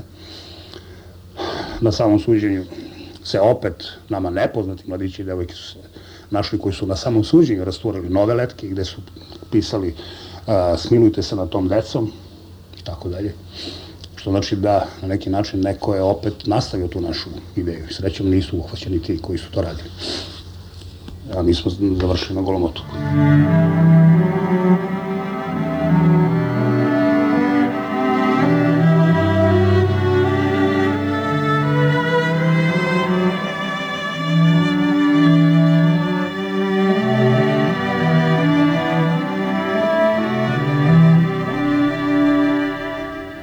napisao neku poemu a, posvećenu a, oktobarskoj revoluciji, pa u vezi sa našom revolucijom i tako dalje i jedan časopis je, a, naravno nije celu poemu, nego i a, fragment iz te poeme objavio i glavni urednik me je pozvao da bude njihov gost. Ja sam se s tim pismom obratio supu, oni su dali pasoš i otputovao sam. A, tamo sam se upoznao sa svojom budućom suprugom, mladom profesorkom klavira, pijanistkinjom, Svetlanom, koju sam pozvao posle, kad se vratio u Jugoslaviju, da dođe. Venčali smo se, dobili dva sina, pr- proživjeli 15 godina u braku, razveli se. Ovaj, naravno, o razlozima bih mogao da govorim tim pre što nisu baš tako intimne prirode, nego opet više socijalne, zato što sam ja uvek teško živeo, uvek a, smo imali problema finansijskih, nikada nije niko hteo da me zaposli, teško se živelo, ona to nije očekivala da će baš sve tako da bude. Ovaj, dobar deo terete podnela ona, jer je umeđu vremenu se zaposlila, radila kao profesor klavira u muzičkoj školi i tako dalje. Eto, to je sve učinilo da eto i, i na tom planu doživim neuspeh.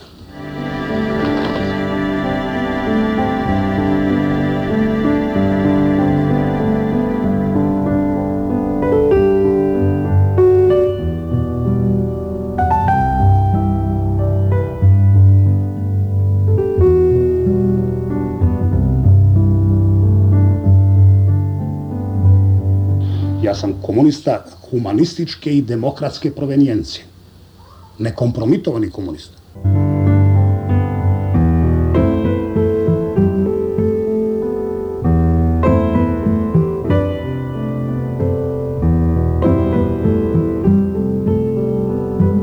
Jedan lider pred kojim se ja klanjam, postoji. Iznenadit ćete možda, kad vam budem rekao, a to je patrijarh Pavle.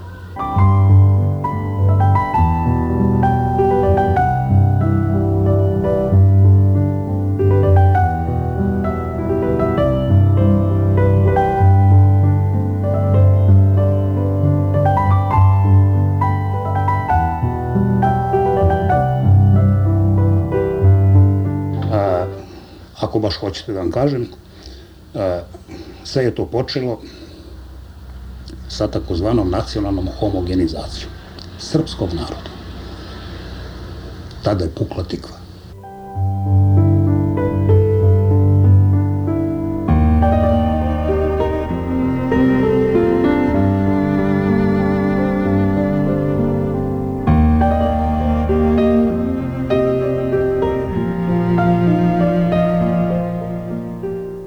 Kada je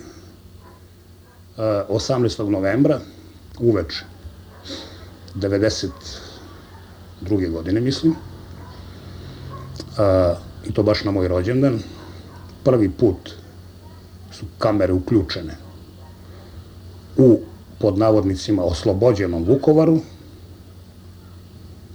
to je trenutak kada sam ja doživao jedan od najtežih trenutaka u svom i, i onako ne baš lagodnom životu. A,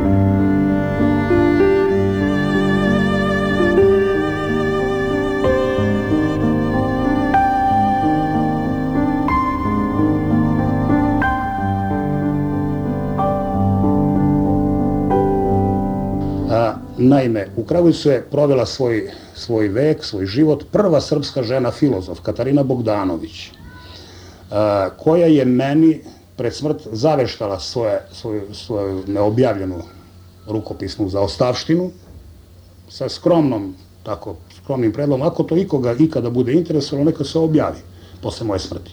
17 godina je trebalo da prođe, uspeo sam nekako da sredim tu njenu zaostavštinu, da izdejstvujem novac od, od, od opštine, da finansiraju to. Knjiga je objavljena, čulo se u njenom rodnom mestu Trpinji kod Vukovara, Trpinji koja će se tek u ovom ratu proslaviti, a ne zbog nje, niko nije ni znao da se prva srpska žena filozof rodila u toj Trpinji, ovaj, čuli su pa su me pozvali kao prerađivača te knjige da dođem, da, da pristoji jednoj manifestaciji u njenu čast, da otkrijem pomen ploča na njenoj rodnoj kući koja i dan danas postoji u selu Trpinji i da pristojem pozorišnom komadu koji su oni pripremili na osnovu njena, njenog devojačkog dnevnika. Znači, neko je dramatizovao njen devojački dnevnik iz te iste knjige, ovaj, i ja sam otišao u Vukovar. O tome bih mogao, mogu vam pričam, neću, samo hoću da kažem ovo. Da su na toj manifestaciji u Elcovom dvorcu, to jest u onom čuvenom dvorcu, jednom od, takođe od najlepših u Evropi, koji je posle takođe sravnjen sa zemljom, u baroknoj dvorani, Vukovarčani su, ja nisam nijednog vidio da nije došao sa kravatom i u odelu, a dame u krinolinama, došli su da prisustvuju jednoj predstavi, jedne srpske književnice, a dramatizovo je taj tekst srpski profesor, režirala Hrvatica i glavnu ulogu same Katarine kao devojke igrala čerka te iste rediteljke Hrvatice, devojka Hrvatice. Igrali su to i predstavi, koja je izvedena posle moje uvodne reči o samoj Katarini. To je nešto nezaboravno i to mnogo govori. I posle tih mojih lepih iskustava iz tog, iz tog Vukovara i trpinje, ja posle samo nekoliko meseci ili možda nepune godine dana doživljavam da vidim da je taj grad stranjen sa zemljom. Naravno, odmah se postavlja pitanje ko je to uradio i zašto? Pa je zna se, nećemo, zašto se lažemo? Zašto sami sebe da lažemo da ne znamo kad znamo ko je? To je uradila bivša jugoslovenska i bivša narodna armija. A u tom trenutku više ne ni jugoslovenska ni narodna, nego isključivo etnički čista srpska.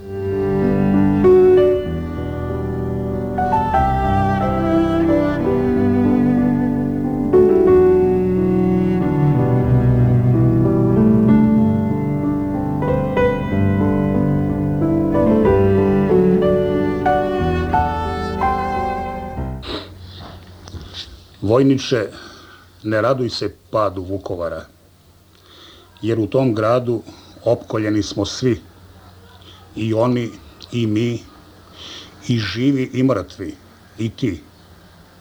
Strašna je muzika guseničara i ludačko slavlje što se sprema. Nema slobode u gradu koga nema. Ne raduj se zato padu Vukovara, zastani, zovni, oslušni srcem čistim, onog što s druge strane odgovara materinjim jezikom istim, istim, pa obori pogled ispod teška šlema pred grobnom tišinom grada koga nema. Kakva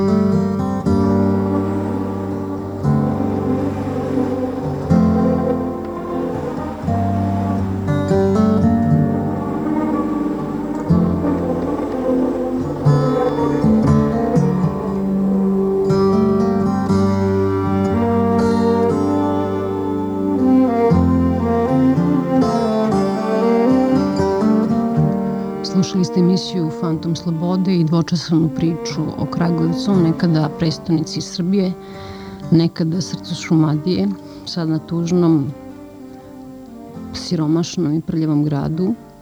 Može biti ko zna, može biti svaki praktično u Srbiji. A, sada vas na ulazu u Kragujevac dočekuje prva slika koju vidite je jedan stali, stari pohabani cirkus i ringišpil. Naravno i u Kragujevcu su se, ža, u Kragujevcu su se žalili na beogradizaciju Srbije, a jedan kolega nas je na put u Kragujevac ispra, ispratio pričom o tome kako u fabrici automobila u Japanu proveravaju da li dihtuju automobili tako što uveče zatvore mačku, pa ako sutra ujutru zateknu mačku koja je preživela, znači automobil slabo dihtuje, a ako je mačka umrla, znači dobro je. I u zastavi radi sličan eksperiment, odnosno sličnu probu. U zastavi je dobro i zadovoljni su ako ujutru mačka nije pobegla. 12 sati i 11 minuta. Hvala vam što ste nas slušali. Ovu emisiju su napravili Uroš Bobić, Svetlana Vuković i Svetlana Lukić. Prijetno.